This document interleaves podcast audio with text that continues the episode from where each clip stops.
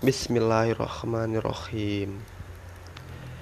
Demi waktu duha, ketika matahari naik sepenggalah, dan demi malam apabila telah sunyi, Tuhanmu tidak meninggalkan engkau, Muhammad, dan tidak pula membencimu.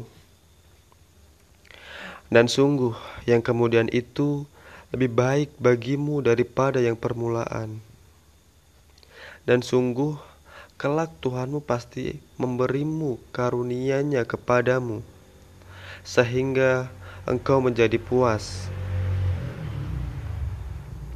Bukankah Dia mendapatimu sebagai seorang yatim, lalu Dia melindungimu? Dan Dia mendapatimu sebagai seorang yang bingung, lalu Dia memberikan petunjuk. Dan Dia mendapatimu sebagai seorang yang kekurangan, lalu Dia memberikan kecukupan.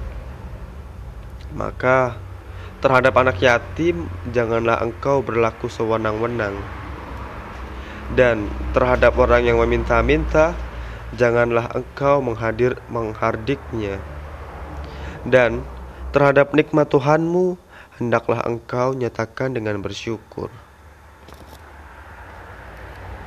Surat Ad-Duha ayat 1 sampai 11